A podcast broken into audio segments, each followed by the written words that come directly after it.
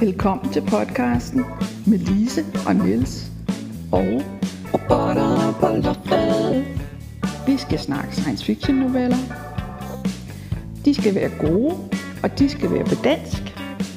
Der bliver svinkeærter, og der bliver spoiler alerts. Og måske bliver der også et grin.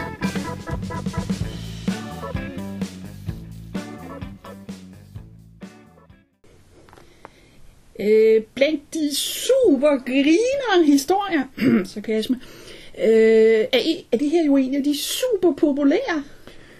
Ja, øh, det er Tom Godwins The Cold Equations fra 1954. Ja. Og den øh, har kastet lange skygger i genren, og gør det stadig.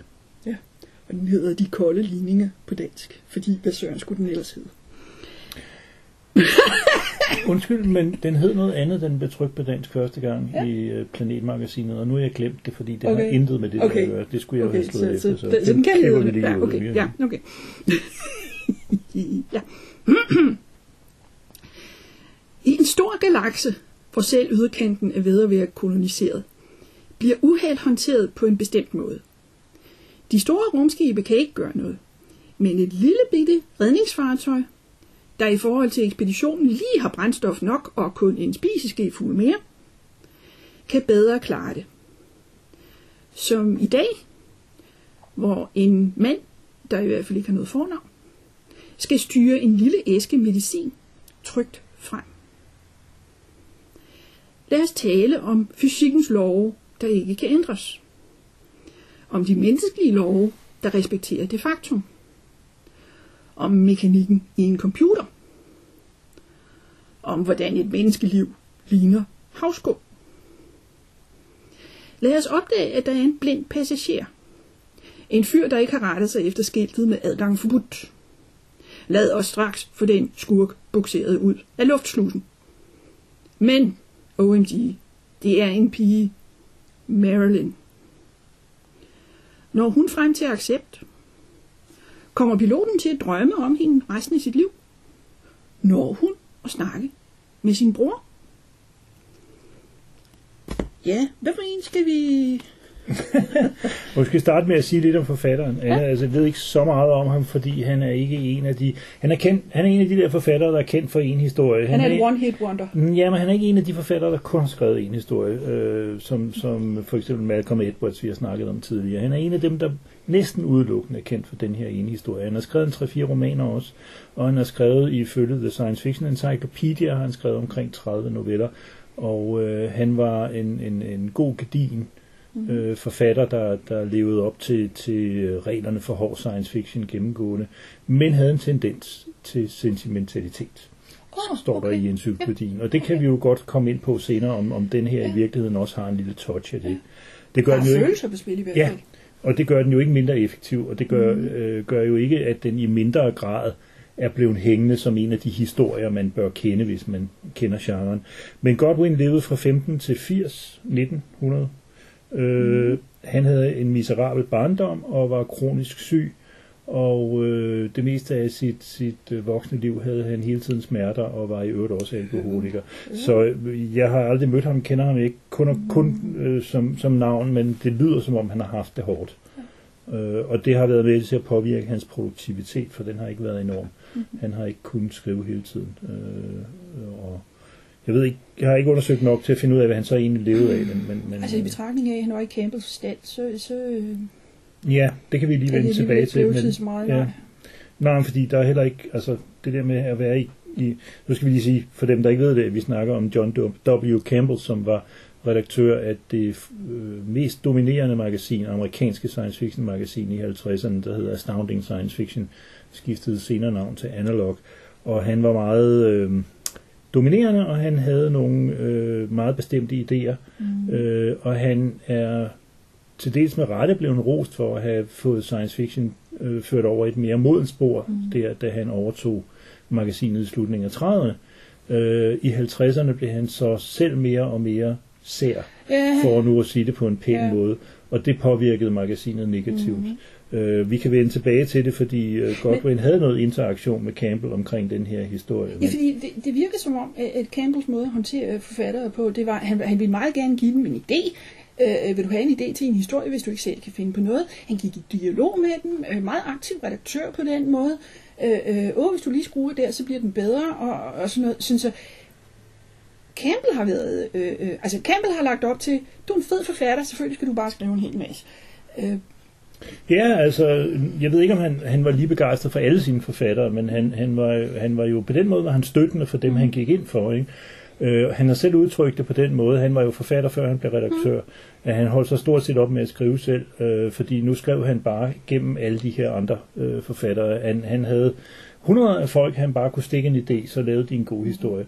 Og det var jo ikke alle idéer, han, der kom fra ham jo. Altså trods alt skal vi heller ikke gøre det værre end det er, men, men han var en meget dominerende indflydelse på en hård kerne af det, man kalder den hårde science fiction, altså Isaac Asimov, øh, Paul Anderson, øh, forskellige andre, øh, Ja, som, øh, som øh. Robert Heinlein, som han havde et kompliceret forhold til, Ja, øh, ja, men i altså, hvert fald i starten betød ja. meget for. Øh, den her bog Astounding, den snakker om Asimov, Heinlein og øh, øh, ham med Scientology. Ja, Robert Ho- L. Ja. L. Ron Hubbard, ja.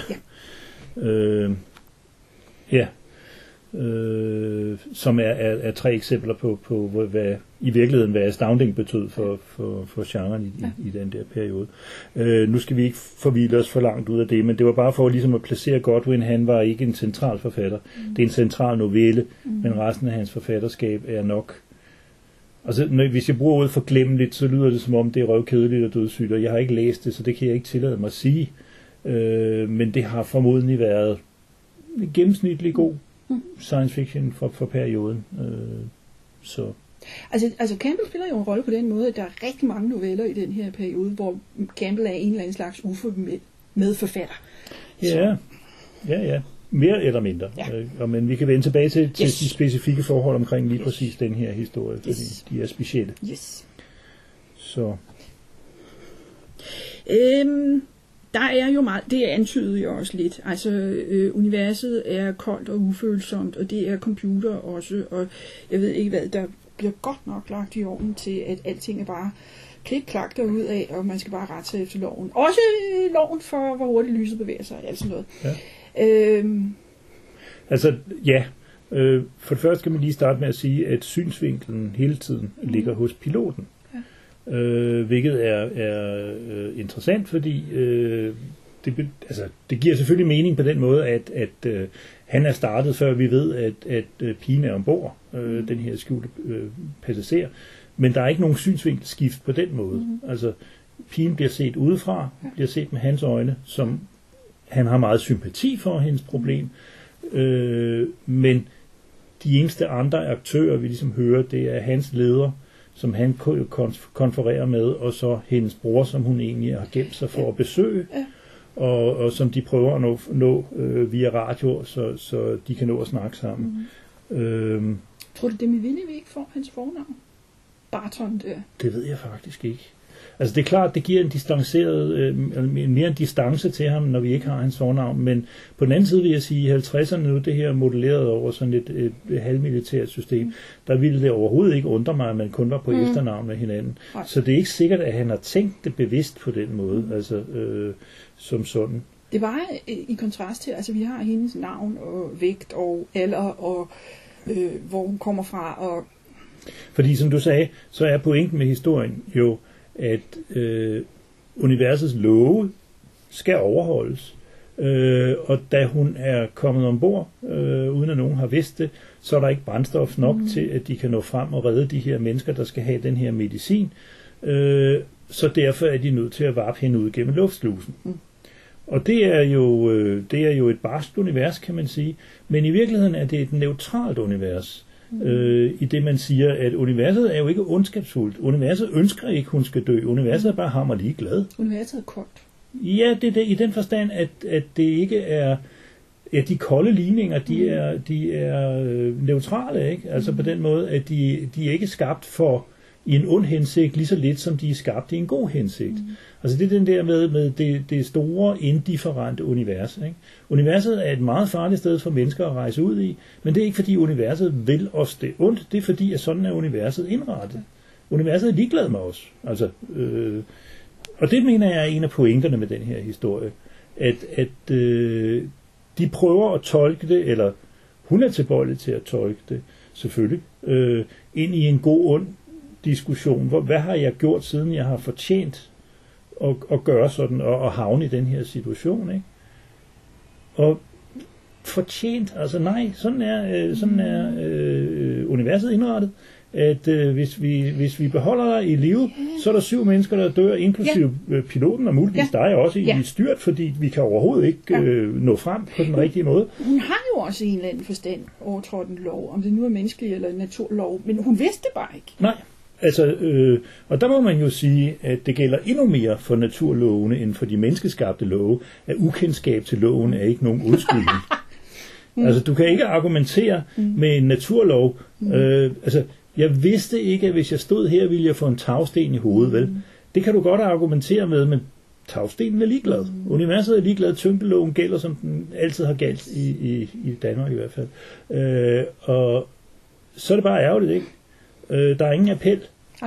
Og det er jo en del af, at, at det, jeg tror, det er en af de væsentlige grunde til, at den her historie har fået den status, som den er blevet. I amerikansk kritik kalder man det en touchstone-historie, altså mm. der er nogen, man vender tilbage til, ligesom en touchstone åbenbart er en sten, man bruger til at øh, navigere i vildmarker med, og sådan noget, man, man kan... Det, det er ikke grundstenen, altså den nederste sten nej, nej, hus? Nej, nej, det er en keystone.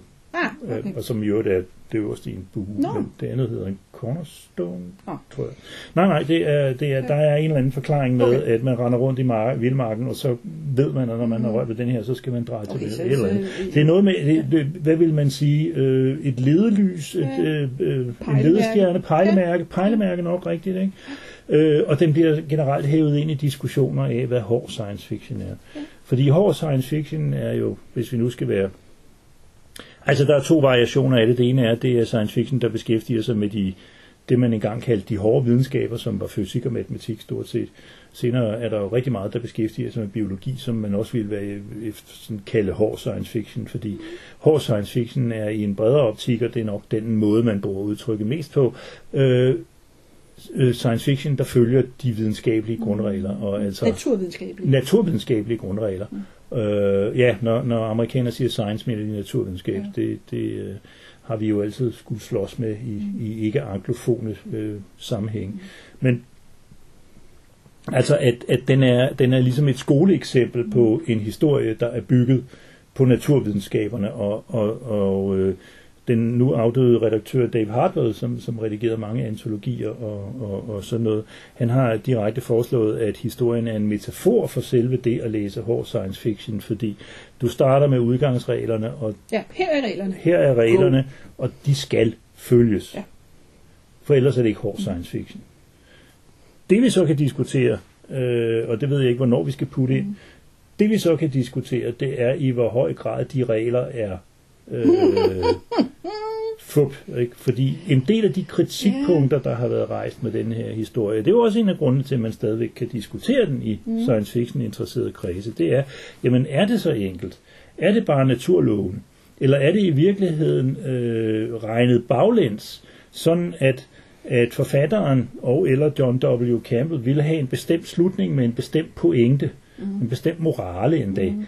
Og dermed har regnet baglæns og sagt, så skal udgangspositionen være sådan og sådan. Ikke? Fordi som du har været inde på, kan jeg huske, når vi har snakket om den, det er, jamen altså, hun har bare kunne være lige ind. Der var ikke Ja, noget security. Der var et skilt om, at øh, adgang er forbudt, men, Ja, ja. men who, cares, hvis man vil være blind passager, så retter man sig jo ikke efter det skilt. Men der var ikke så meget som en hængelås på døren. Øhm, og, og, og det er sådan en eller anden måde, hvor, den, hvor altså en del af den debat, der har kørt over årtier i virkeligheden, har været en lang liste af påpegning af den slags ting, som er, hey, I snyder altså på vægten. Ja. Ikke fordi reglerne ikke bliver fuldt, men fordi udgangspositionen er stillet op sådan, så at det skal gå galt. Hvorfor er der så lidt brændstof? Lige præcis. Det er min yndlingsindvending, fordi alle de ingeniører, jeg har kendt, har rystet ho- hørligt på hovedet, når jeg har sagt det der. Og jeg tror, at hvis du sagde det til NASA, så ville de øh, også ryste hørligt på hovedet, fordi man designer ikke en raket og planlægger ikke en tur med så lille en margen. Der er et eller andet med, at han har tre dråber til overs, hvis han skal flyve udenom en sky, eller Ja. sådan et eller andet under landingen. Men altså, øh, jeg kan ikke regne på det, men der er nogen, der har regnet på det og prøvet at finde ud af, hvor meget hvor meget ekstra brændstof ville det skulle være, ikke? Altså, og, og der har også været løsningsforsøg på, at så kunne man smide noget ud af, af altså, du har, du har researchet en hel masse Uh, ja. fordi en del af det, at det er en så vigtig historie i genrens øh, øh, historie, er, at der er skrevet mange kommentarer til den. Det kan vi vende tilbage til. Der er mange noveller, der er artikler, der er, Ja. ja. er alt muligt. Ja, den har affødt en enorm debat, og den debat har også udfoldet sig som en, en, en lang række øh, historier. Øhm, så tænkte jeg på at nævne også, altså for det første, det, jamen det tror jeg, vi har, har vi nævnt det der med, at det der i virkeligheden ryster dem første gang, det er sådan set ikke, at der er en, en, øh, en blind passager. Ikke fordi, altså vi får at vide, at det sker meget sjældent, mm. men det der ryster dem er, at det er en pige. Mm.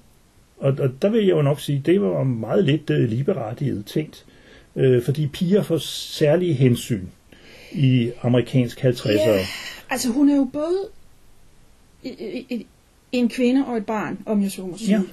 Øh, og i hvert fald barn, børn tager vi jo hensyn til. Ja, De ved ikke helt, hvordan det her fungerer. nej. Og, og grunden til, at hun har snedet sig ombord, det ved jeg ikke, om vi fik gjort klart, det er, at hun vil besøge sin bror, mm. der arbejder i et videnskabeligt team på en eller anden bestemt planet, som altså er den her planet, mm. som, som øh, den her sær raket med, med, øh, med medicin skal til. Ikke fordi broren er syg, men fordi en anden arbejdskoloni øh, på planeten er syg. Øhm, hun skulle et andet sted hen.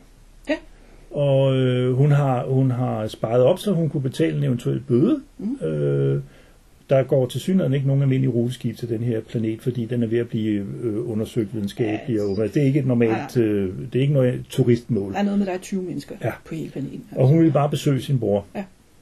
Øh, så hun er havnet helt ser uforskyldt. Ja, hun gik forbi et skilt, hvor der stod mm. adgang forbudt, men, men øh, man synes ikke, at hendes forbrydelse står i forhold til straffen. Mm. Fordi straffen bliver jo, jamen, ud gennem luftslusen. Mm. Øh, og piloten kan ikke klare det, fordi det er en pige, Mm. hvilket jeg synes er uhyggeligt sexistisk, men det sagde, så, sådan så man ikke på det i 54, og vi skal jo bare som moderne læsere være glade for, at de ikke sidder og ryger cigaretter Altså, samtidig. altså øh, øh, kvinder og børn først.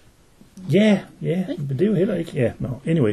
Ligegyldigt. Øh, han forhandler med, med øh, sin overordnede, som siger, du kender godt reglerne, øh, vi har lavet alle beregninger, der er ikke så meget at diskutere her.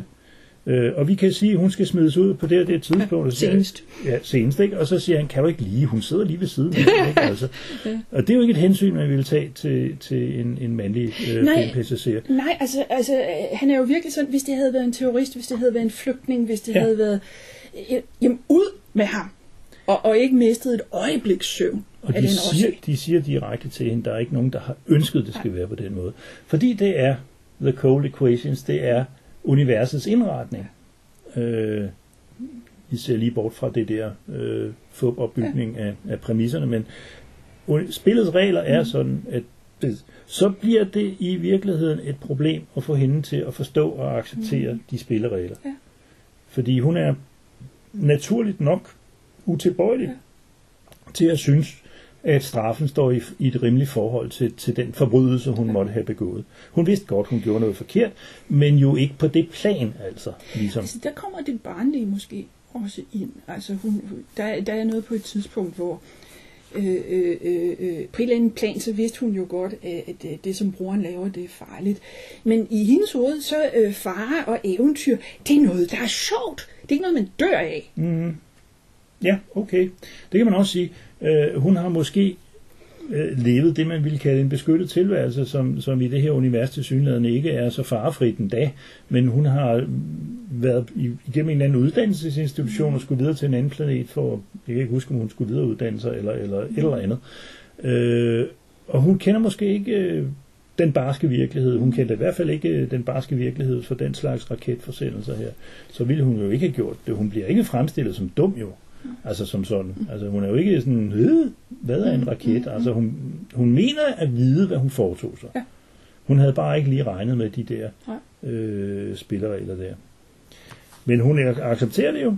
Øh, Det, den Fordi hun er ikke dum. Hun, hun, der er lige en fase, hvor hun er rystet, fordi who wouldn't be? øh, altså. hun skal lige vende sig til tanken. ja, ja. Øh, men, men hun er jo ved at...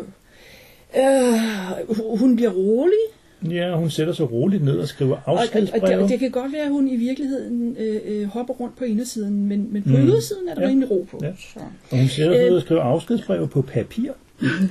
øh, So 1954. Øhm, der er jo ikke en ting, fordi, fordi det er jo en ting, hvordan piloten reagerer på, at hun er en pige. Men hvordan reagerer vi på, at hun er en pige? Mm. Fordi jeg, jeg, kunne- jeg kunne forestille mig, at, at Godwin har siddet der. Det kunne have været en mand, øh, som ikke var en lovbryder eller noget, som også bare ville ud og besøge sin bror. Flinker fyr. Vi har drukket sammen med ham. Alt muligt. Nå, er det dig? Nu skal du høre, ikke? Det kunne have været en dreng. Og, og, på, og et eller andet sted på den der stige, der er den næste så en pige. Mm. Det er der, hvor det bliver mest en tårpasser. Ja. Altså, uh, The Encyclopedia of Science Fiction uh, kritiserede ham, som jeg nævnte, for, nævnte for, for en vis sentimentalitet. Og der er i hvert fald skruet op for følelsesregistret dermed, at det er en skjørn jomfru i nød, ikke? selvom hun selv har rodet sig ud i det, om man så må sige, uforvarende. Øh, og, og hvem der har besluttet, at det skulle være en pige, det ved jeg ikke, men det gør jo noget for historien. Det gør noget for, for, for fortællersynsvinkelen, øh, øh, den her pilot, mm. øh, som, som virkelig ikke ved, hvad han skal stille op, og er meget ked af, at, at det går, som det går. Øh, Hun er også i, stand til at udtrykke de der følelser. Altså hvis det havde været en dreng, så kunne man godt forestille sig, at piloten havde sagt, Nå kammerat, nu skal du høre. ja, Men fordi det er en pige, så falder det anderledes ud. ja, der er nogle ting, han ikke kan sige direkte, og, og, og er nødt til at vente til hun selv når Ja, ja, frem til, ja. og sådan nogle ting. Altså det er, det er, det er skru op for, for det emotionelle, og det er jo i sig selv ikke galt. Det gør det jo ikke nødvendigvis. Altså jeg synes, det hænder mere hen mod slutningen, det bliver lidt sentimentalt til, men selve det, at hun er en pige, er nok en styrkelse af mm. historiens argument, om man så må sige. At det nytter ikke noget. Du kan heller ikke tage hensyn til, at hun er en pige. Mm. Altså, øh, selvom de prøver. Mm. Øh, og så sker der jo det næste skift, som handler om, øh, kan de nu nå at få, de prøver at kontakte hendes bror, så de kan nå at få sagt farvel til hinanden. Øh, og han er ude i marken, og mm. der er et eller andet, der ikke er blevet repareret i lang tid, så de mm. kan ikke bare lige kalde ham hjem, men han skulle være hjemme inden for Ved den næste... Ja, ja. Ja.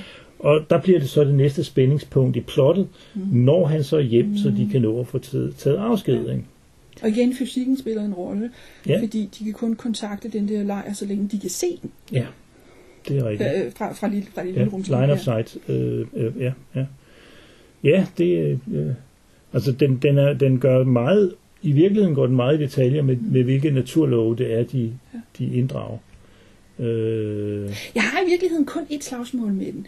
Og det er på et tidspunkt, så står der, øh, der er en naturlov, der siger, at det her lille rumskib med så meget brændstof kan komme sikkert ned på planeten. Og der er en anden lov, der siger, at det her lille rumskib plus en blind passager med så meget, rumskib, med, med så meget brændstof ikke kan komme sikkert ned på planeten. Ved du hvad, kammerat? Det er den samme lov. ja, det skulle det jo være. Det skulle det jo være. Det er jo, det er jo kun øh, det er jo en af, en af parametrene, der er øh, ikke engang ændret, men bare mm-hmm. er øh, f- ja, der har der har fået en anden værdi. Ikke? Ja. Men ellers... Men det er jo en terminologi, jeg bliver til. Ja, ikke? Men- altså ellers så, så, så jeg bare, jeg synes bare, de gør det så godt.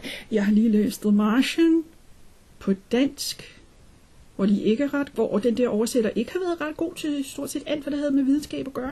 Så det er så dejligt at læse en, den historie, der bare stort set har styr på det. Så, Ja, altså på den måde er den jo meget stringent. Altså, og der passer den jo også ind i det der med at sige, at den er et skoleeksempel mm-hmm. på hård science fiction. Ikke? Fordi hvis man først accepterer udgangspunktet, øh, som er så vidt i overensstemmelse med, med vores kendskab til naturlovene, bortset fra de der små ting, Ja. så er den gennemført meget konsekvent. Ikke? og, og, og samtidig på en spiselig måde. Altså han begynder ikke at stille ligninger op midt i teksten eller sådan noget. Nej, det, det, nej, nej. Det vil, jeg ved heller ikke, hvor meget formål det ville have tjent. Altså hvis, hvis piloten skulle prøve at overbevise pigen, han prøver jo ikke med, med ligninger i hvert fald. Nogle forfatter ville have gjort det. Ja, ja. Også nogen i Astounding. Ja. Øh. Men så bliver spørgsmålet altså øh, forskudt til, at, at øh, når bruger man frem Ja. til basen Ja. i, i ordentlig tid. Så øh, bruger man i radioen, skal vi lade ham hænge der? Det tænker jeg. Yes. Så er vi nået til den del, der slet ikke har noget med dagens novelle at gøre, nemlig Svinkeærnet.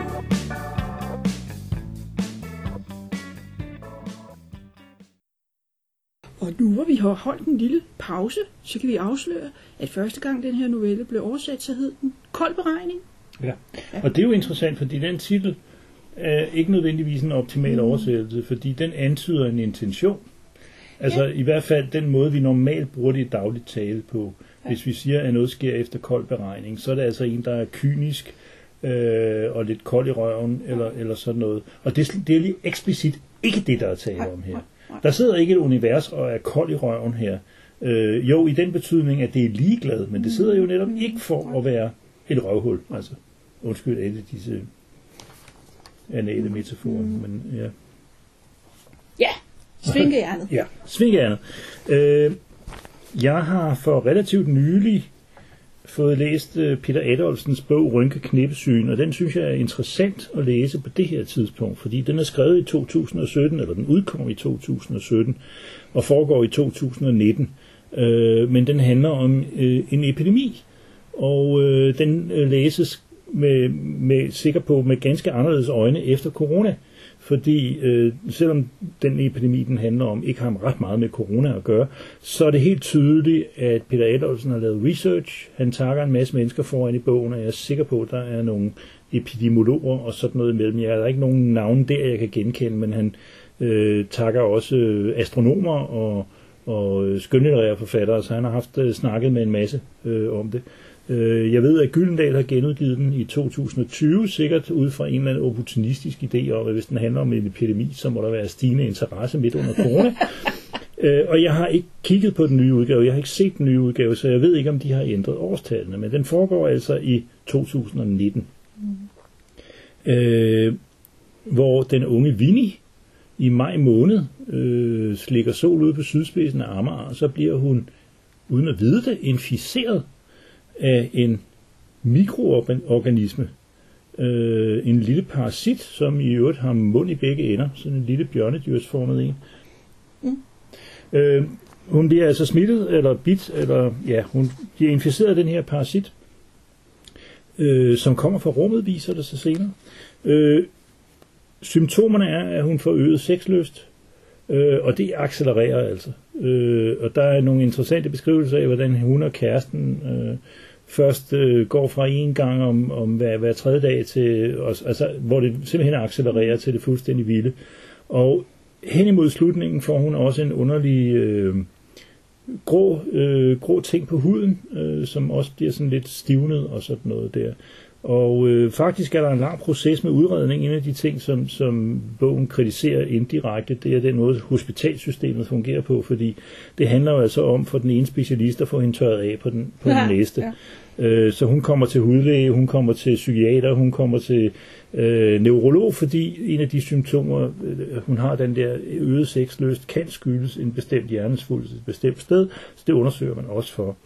Øh, men til sidst så bliver man klar over, at der er et eller andet i gang her. Øh, hun bliver så indlagt på, på en, en, en øh, afspærret afdeling, hvor hun så eksploderer. Hey. Øh, ja, fordi det, der sker til sidst, når man er, er blevet helt stiv af den her grå skal, som man senere finder ud af skyldes øh, øh, af, øh, affaldsprodukter fra, mm. fra øh, parasitten, det er, at man eksploderer åbenbart. Og det samme er faktisk sket med den parasit, som, som øh, eller den planet parasitten kommer fra, som, som øh, hed Ubu. Øh, eller rettere sagt, det hed den organisme, der omspændte hele planeten som et hudlag. Den hed Ubu. Øh, men den fik så den her parasit, som den kaldte Ofu. Der kan man jo morse over det UFO bagfra, men, men sådan er der så meget. Øh, faktisk så er det en, et, et tik, han har, det er at bruge lister. Øh, han regner med, at øh, med et bestemt antal konsonanter og vokaler i planetens sprog, så kan man generere 700 et eller andet 60 trebogstavsord. Og de er så oplistet alle sammen, så jeg ved ikke helt hvorfor. Uh, men, det, det kan jeg godt lide sådan noget. Øh, men så ser man altså med, med post-corona-øjne øh, interessant, fordi da, da man bliver klar over, at det er en infektion, og at den smitter, altså fordi øh, de der mikroorganismer gerne hopper fra krop til krop, så opretter man testcentre, som man så kalder øh, sundhedspavilloner, men, men, men, men konceptet er jo det samme. Mm. Øh, Fordi sygdomspavillon, det lyder ikke godt. nej, øh, men altså, der sker jo også en masse andre ting. Der sker jo også en moralsk backlash, fordi det har den seksuelt overført, så selvfølgelig er det på grund af synd og ballade og øh, alt muligt. Men til sidst så er det faktisk sådan, nu skal jeg ikke gå alt for meget i detaljer med det, men en fireårig pige er også blevet smittet øh, af sin mor formodentlig, øh, fordi hudkontakt er det, det handler om. Det handler ikke om eksplicit om sex. Øh, og da hun på en eller anden måde havner i, og nu skal jeg ikke gå i detaljer, men hun havner i nærheden af nogen, øh, der har et samleje, øh, så genererer hun en hvid sky, øh, som består af riddere, skriver han. Og der er det altså meget typisk Peter Adolfsen, så går han over i en eller anden form for litterært sprog. Men jeg ser det simpelthen som en metafor for en anden type mikroorganismer, som er i stand til at æde de her øh, ufuer, øh, og dermed faktisk helbrede folk, inden de eksploderer. Øh, de går til kamp mod det her, ikke? Og, og der tænker jeg jo på utallige oplysningsfilm om, øh, om hvordan øh, gode øh, mikroorganismer bekæmper dårlige mikroorganismer, og jeg ved ikke hvad. Jeg synes ikke, det, det behøver ikke at gøre det til en uvidenskabelig historie. Øh, det er mere sådan en, en, en, en uh, lidt poetisk afslutning på det. Mm. Men altså, jeg tror, det ender med, at der er 120, der er døde, så det er på ingen måde i nær, nærheden af det corona. har de da, det har de da fanget øh, hurtigt. Ja, ja, ja. Det, jeg kan ikke huske, om det tager et halvt år eller sådan noget. Nå, men altså, det, det, det, det luskede ved corona, det er jo også, at det smitter, før man ved, man er syg. Mm. Ja, ja. Så, så øh, øh, altså, den planet, de kom fra, er jo også eksploderet jo, så det er åbenbart noget, man gør, når man får for mange af de der ufuer. Men jeg synes, det var en meget skæg oplevelse at læse den Ja. øh, i lyset af, hvad der skete få år efter den udkom. Og skulle jeg under alle omstændigheder have læst den, fordi selvfølgelig skal jeg læse, hvad Peter Adolfsen skriver, men, men, men øh, den var sådan lidt, lidt sjov. Ja, det, der, der er virkelig nogle ting, som man ændrer syn på. Altså, jeg har også lige læst en bog, som, som, hvor der blandt andet var en epidemi. Øh, og, og selvfølgelig så ruller de det sædvanlige ud. Øh, øh, mundbind, det skal så dybes i eddike, det tror jeg bare er overtro. Øh, øh, mundbind, afstand og håndvask. Ja. Og på længere sigt vaccine. Øh, for nylig, der så jeg, øh, DR lavede jo en dokumentar om den spanske syge her for tre år siden, da den fyldte 100 år, det store udbrud. Øh, mundbind, håndvask, afstand. Jo, jo, og, og som sagt, jeg tror faktisk, at Peter Adolfsen har lavet noget research i, i, Ja. ja. i den forstand, han har snakket med nogle epidemiologer Ja. ja. og, og, og, og fagfolk på det område, længe før de kom i tv hver dag. Mm. Øhm, så så han, han bruger de rigtige termer, han, han øh, øh, beskriver de der forholdsregler faktisk øh, sådan ret præcist. Øh, så det giver selvfølgelig en genkendelse, når nu vi selv er blevet bombarderet med Ja. det i, i, i så meget høj grad. Men derudover kender jeg mig ret, så er det sikkert også en symbolsk historie om, om kærlighed og alt muligt. Fordi, Jeg, jeg ved ikke rigtig, al- al- altså det vil sige, de anbefaler, at hvis man absolut skal være syg og have sex, så skal man have en fireårig ved siden af sig. Uh, nej, jeg tror ikke. Jeg tror, det var en engangsting, fordi Ja. ja. nu bliver de der hvide ridder jo ligesom genereret. Øh, Mm. De er så snedigt indrettet, når de har ryddet en krop for, for øh, ofuer, så øh, smelter de selv væk. Så Ja. det, I don't know. Aha. Det, øh, den fireårige er i øvrigt datter af en, der hedder Beatrice, og en, der hedder Dante. Så kan man jo selv finde ud af, om ikke det er en litterær illusion et eller andet sted. Det er jo overladet som en øvelse til, Ja, til, ja. lytteren. Ja, det Og, Så, Ja. men den anbefales. Det er ikke nogen lang roman. Det er udmærket. den fik vist også udmærkede anmeldelser. Ja, ja. Ja, ja, ja, ja. Ham kan man stole på. Yep. Så skal vi huske at sige, at i næste afsnit, der snakker vi om palimpsest, der er skrevet af Charles Stross. Hvis du lige husker, at Å skal skrives som dobbelt A, så kan du tweete til os på robotter på loftet. Skriv til os på robotterpåloftet at gmail.com og se hjemmesiden robotterpåloftet.sciencefiction.dk Og så er der spoiler alert.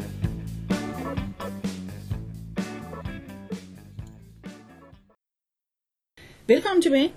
Vi efterlod jo brormand i radioen, og ham tager Marion så en lille snak med.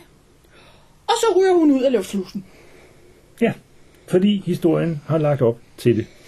Øh, den ligger, eller det der så sker er selvfølgelig, at fordi vi har læst hundreder af historier, hvor der er en lykkelig slutning, selvom at der er en frygtelig krise og et frygteligt dilemma øh, undervejs, så forventer vi også, at der er en lykkelig slutning her.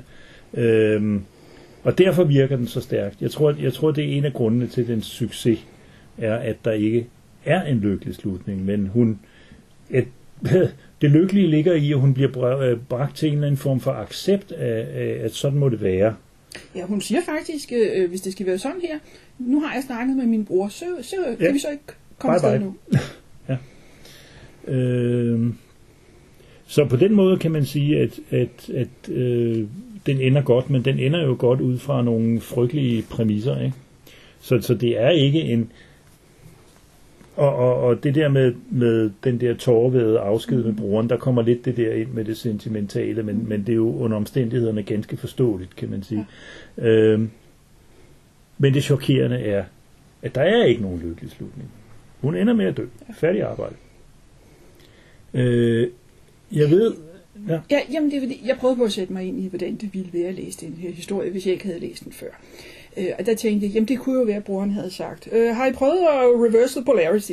øh, og, eller nej, siger piloten lige pludselig, der står en flaske efter, ekstra brændstof her, det havde jeg slet ikke lagt mærke til. Øh, men det gør der ikke. Nej, lige præcis, fordi sådan er universet ikke indrettet.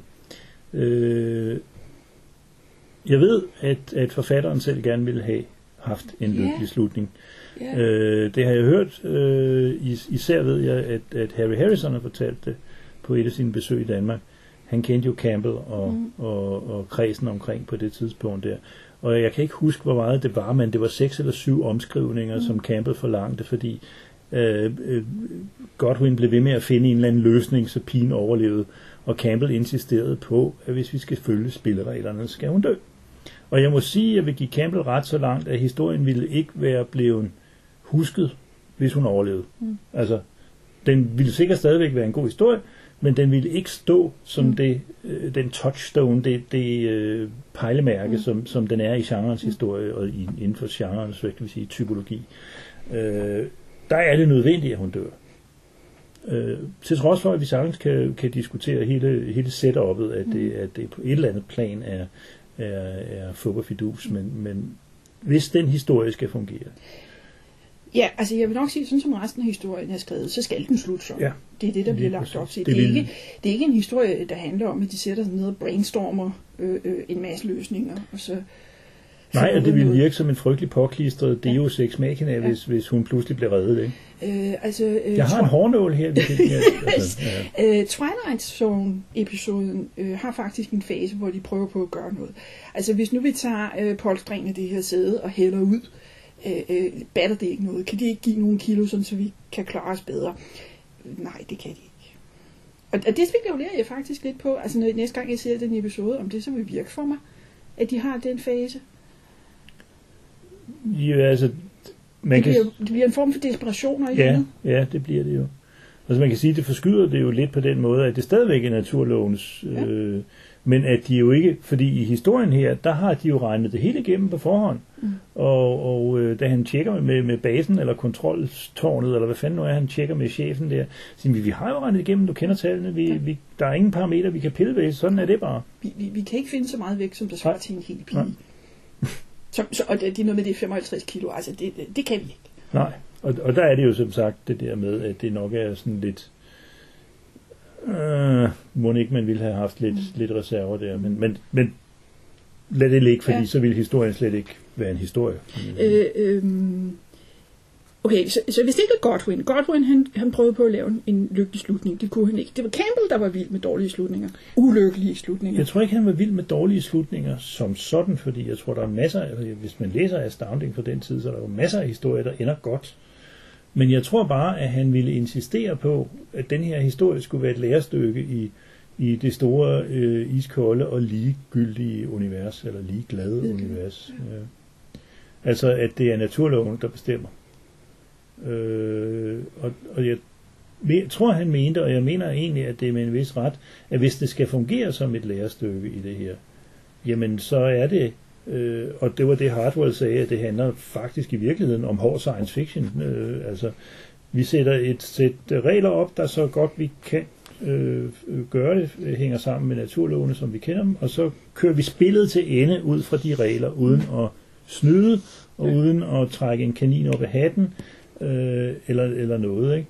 Og det er jo ikke for det, altså jeg mener, der var historier i Astounding om faster than light fly og tidsrejsehistorier og ting og sager, så det er jo ikke fordi, han har noget imod øh, at bøje reglerne på den måde. Men det har jo noget at gøre med, at, at det er regler, der i, i betydningen historiens præmis. Hvis vi starter med at sige, at vi kan flyve hurtigere end lyset. Ja, så er det historiens præmis, ja. og så, så er det, man så måler det på, det er, hvor konsekvent er det gennemført. Ja. Og du fortæller også på et eller andet tidspunkt, hvad det er for en slags FTL, altså hurtigere end lyset fly. Hvad er spillereglerne for det her? Kan vi kun gøre det, når vi kommer forbi et sort hul, eller kan vi kun gøre det om onsdagen, eller, eller hvad det nu er? Ikke?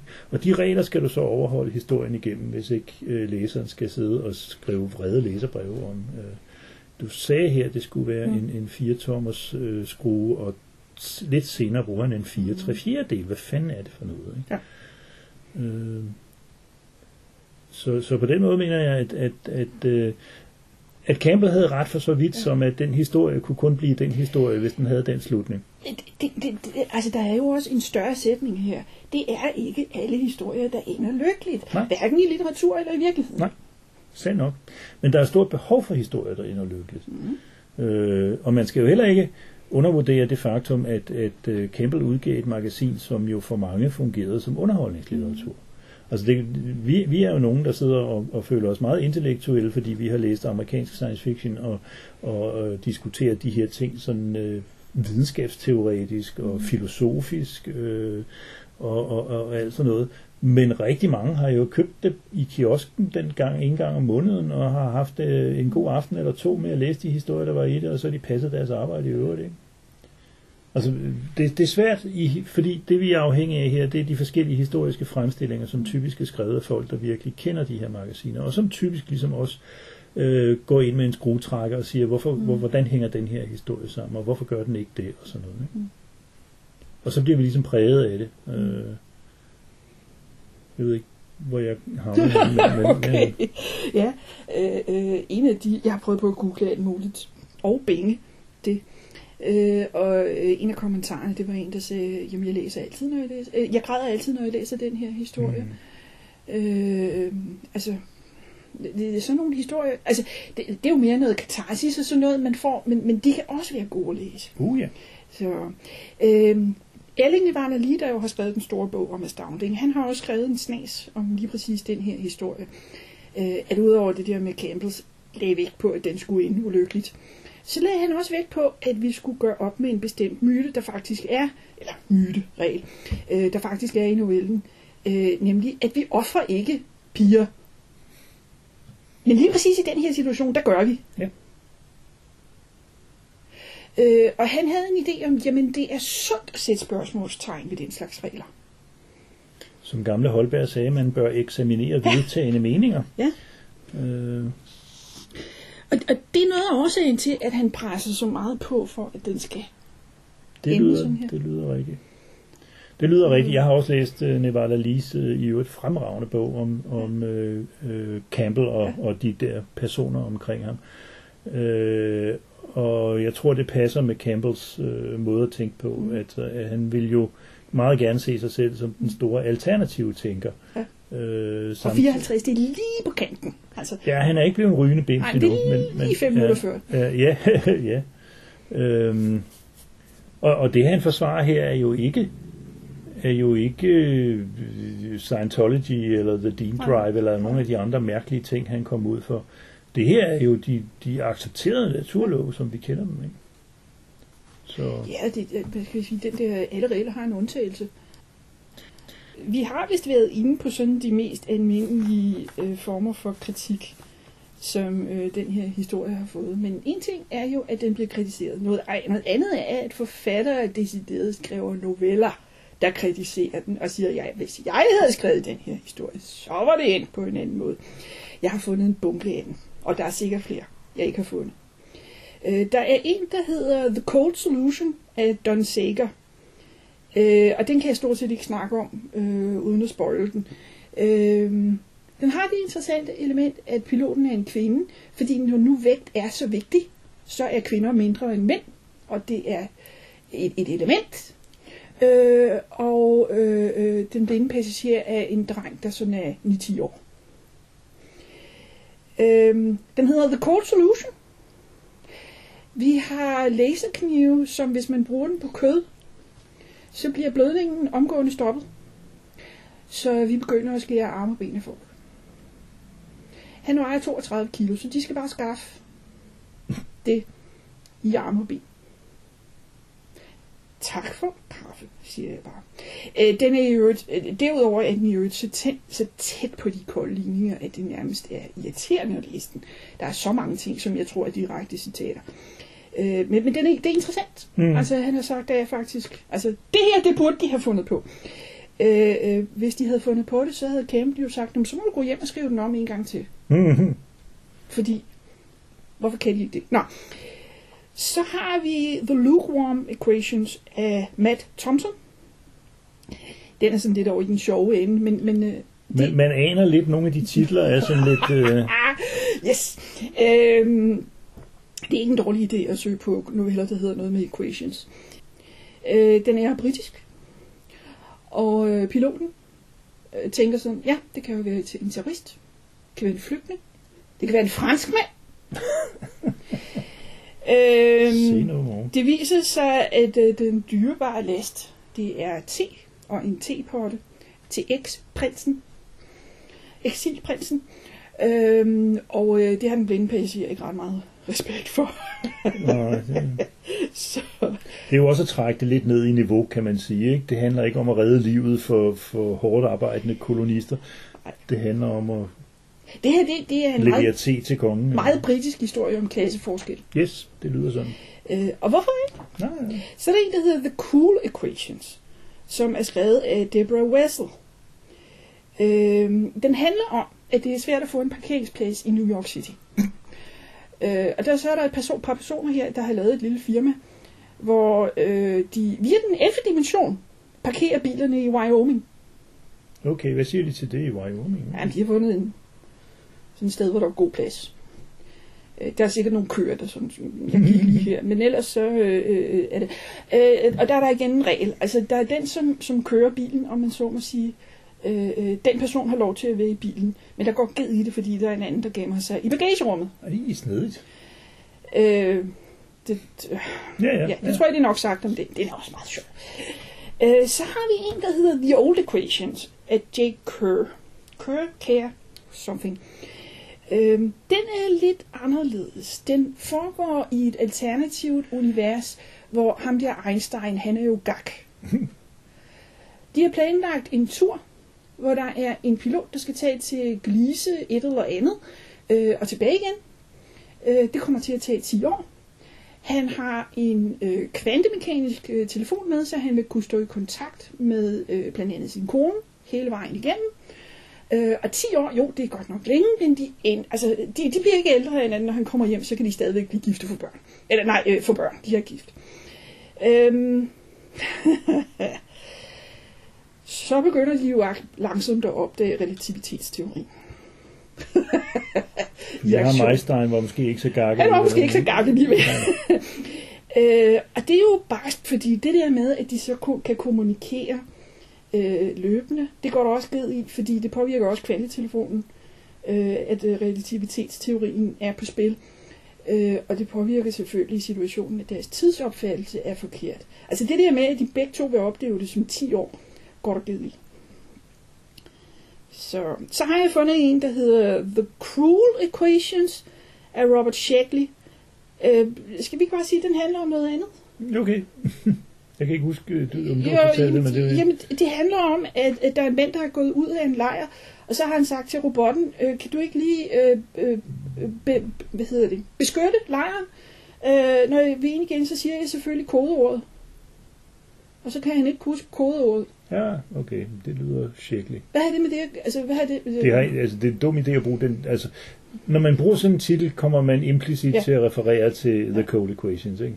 Altså igen, det er en sød historie, og en sød løsning. Men, men så har vi jo ting som en disaur. Ja. Jeg skal måske lige forklare, når du siger disauer, så er det jo en hilsen til Gurli Gris lillebror Gustav, som er meget begejstret for disauer. Jeg øh, ikke kan udtale korrekt. Ja, øh, James Patrick Kelly var en af dem, der, der på et tidspunkt deltog meget intenst i diskussioner af, af uh, uh, The Cold Equations i, i uh, blandt andet i det tidsskrift, der hedder The New York Review of Science Fiction. Men, men der, der var en, en akademisk diskussion og en diskussion blandt forfattere om, om nogle af de ting, vi har, nogle af de punkter, vi har siddet og fremhævet her faktisk. Øh, og han har selv sagt, at, at uh, Think Like a Dinosaur uh, faktisk er skrevet som en modhistorie.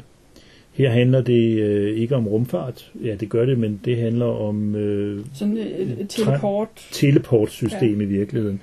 Og øh, når de snakker om dinosaurer, så er det fordi, at øh, dem, der har opfundet og driver det her system, det er nogle aliens, der ikke er dinosaurer, men ligner dinosaurer. Mm. Øh, og der sker så det, som man jo ikke helt forstår, ikke sker hele tiden i Star Trek, øh, hvor man jo også har sådan et transportersystem, nemlig at vi får afsendt personen, men, øh, og når vedkommende når frem i modtagerenden. Men det, der skulle ske i afsenderenden, nemlig at personen bliver destrueret, mm. det sker ikke. Og så er der vup til to eksemplarer af den samme person. Og selvom de er mange, mange lysår fra hinanden, så kan man ikke have den slags råd. Mm. Øh, så den ene af dem må, øh, må øh, så at Originalen. sige... Originalen må, ja, fordi... Altså det fører jo ind i den der lange filosofiske diskussion om, hvad sker der, når man teleporterer, ikke? Mm. Øh, fordi øh, dør man i virkeligheden hver gang. Ikke? Mm. Altså, der, er, der, der kommer en ud af den anden ende, men er det den Ja. samme? Ja, Altså, det snakker vi ikke om. nej, det... Øh, Der er jo i øvrigt en øh, TNG-episode, hvor vi pludselig har to Rikers. Så skal lige sige, at TNG betyder Star Trek The Next Generation, for dem, der ikke er Trekkier. yes. Så, så, så det kan lade sig gøre, men Ja. det er meget sjældent. Men, men øh, jeg, jeg kan ikke, det er længe siden, jeg har, har læst den historie, så jeg kan ikke lige på siden af balle huske pointen, men jeg tror, en af pointerne er, at det ikke er mennesker, men dinosaurer, der Altså- Ja. har den holdning Ja. der. At, at kritikken ligger ja. i, at det er ikke menneskeligt, Ja. altså inhumant. Ja, det her rumvæsen siger, det er sådan her, det er. Ja. Øh, vi bygger det her apparat. Det her apparat har en stor rød knap, der betyder øh, tøm, afsend, beholder. Der er et menneske, der skal trykke på den knap. Det er sådan, det fungerer. Hvis I ikke kan helt ud af det, så har I ikke længere rumfart. Og det er det, han står overfor, da, han sådan, øh, altså, da de får at vide, okay, nu har vi både originalen og kopien. Og så siger han, okay, måske kunne vi... Øh, fordi nu har han lært hende at kende mm, originalen. mm. Ikke? Ja, ja. Sådan, ah, måske kunne vi slække lidt på reglerne den her gang. Nej, fordi så tager vi hjem, og vi tager vores apparat med os. Øh, og det, det lærer han jo så på en eller anden måde at leve med. Det er han jo nødt til. Øh, øh, og og det, det, står, det står ret eksplicit sidst i historien. Altså, han tænker på det som, jamen, der er en ligning, og den skal balanceres. Den ligning er til synligheden, at vi kan ikke have et menneske på begge sider af lighedstegnet. Ikke den samme menneske. Nej. Mm. Ja, ja, men det giver jo også en umiddelbart forklaring på titlen så, Ja. Fordi øh, for at det her skal fungere, skal man være umenneskelig. Ja. Altså. Jeg vil så sige, Og det er har, så kritikken Ja. af, af Ja. The Cold Equations. jeg vil så sige, at jeg har læst den her novelle, uden at vide, at den øh, havde en sammenhæng med de kolde ligninger. Så, så super tydeligt er det heller ikke. Nej, Øh, men men øh, når man ved det, kan man godt se det. Ja. Øh, jeg faldt over, jeg tror det var Lightspeed Magazine, der havde lavet en liste over øh, andre ting. De, de, de har faktisk fundet et par noveller, der går forud for de kolde ligninger, der gør noget i samme retning. Øh, og så prøver de på at pege på, øh, ja, og, altså for den sags skyld, at den her novelle, den er blevet øh, filmatiseret og sådan noget. Men de siger så også, at der er blandt andet øh, en bestemt scene i Star Trek, øh, hvor Spock siger, øh, Nå, men øh, hvis jeg ikke gør noget, så eksploderer skibet, så jeg går lige ned og fikser motoren, også selvom det betyder, at jeg dør af det. Og det prøver de på at drage en parallel mellem øh, de kolde ligninger og Spocks offervilje, og jeg vil sige, så har vi reduceret den her historie til at handle om offervilje. Og det er overhovedet ikke det, den handler om. Nej. Så det er en meget, meget, meget forkert parallel. Ja. Jeg synes, det er Øh. pudsigt, at den eksisterer. Ja, Altså, jamen, jo, men folk siger alt muligt sludder. Man kan jo ikke, man kan jo ikke øh, øh, tage ansvar for alt muligt sludder, alle mulige folk siger. Altså, nettet er fyldt med sludder. Mm. Øh, Og Lightspeed Magazine, de plejer at have hovedskuddet rigtigt på. Ja, men det er bare sjovt, ikke? Fordi begge dele, kan man sige, kan reduceres til filosofiske problemstillinger, men det er ikke den samme filosofiske problemstillinger. Selv, selvom, selvom Spock står og, og, og er ved at dø og siger, at the needs of the many outweigh the needs of the, the, The few few or the or the one. one, øhm, så er det ikke det samme som at sige, du skal dø for, at vi har syv mennesker her, der kan overleve. Øh, blandt andet fordi det ikke er hende selv, der tager den beslutning. Hun har ikke rigtig noget valg. Spock ved, hvad han går ind til. Han har taget en velinformeret beslutning. Det hun, gør har ikke, ikke. hun har ikke en chance. Ligegyldigt hvad hun beslutter, så er det bare ud med, med dig. Spock og, og alle de andre besætningsmedlemmer, de har fået at vide, I skal ud i rummet. Det kan godt være, I kommer til at dø af det. Ja, ja. Hvis, jo, og, og jeg synes, der gennem hele Star Trek-universet, der er der fyldt med folk, der har offervilje. Altså, det er jo ikke, Ja. det er jo ikke øh, der, den er, er gal. Øh, men, men jeg synes, det er en forkert, helt forkert sammenligning. Hvis man skal sige, at, at øh, noget af det, der kommer op som filosofisk problem i, i The Cold Equations, eller de kolde ligninger, det er jo det, som man kalder trolley-problemet. Ja. Altså, ved, jeg kan ikke huske den præcise beskrivelse, men noget med, at du har en løbsk sporvogn, Ja. øh, og du kan dreje til den ene side og slå en ihjel, eller til den anden Du- side og slå tre ihjel, eller hvad den er. Nej, altså, øh, øh, øh, sporvognen er på vej hen til, det må være fem personer, okay. der er bundet fast til skinnerne. Hvis du tager fat i styretøjet, så kan du køre over på et andet sæt skinner, hvor der er en person, der er bundet fast.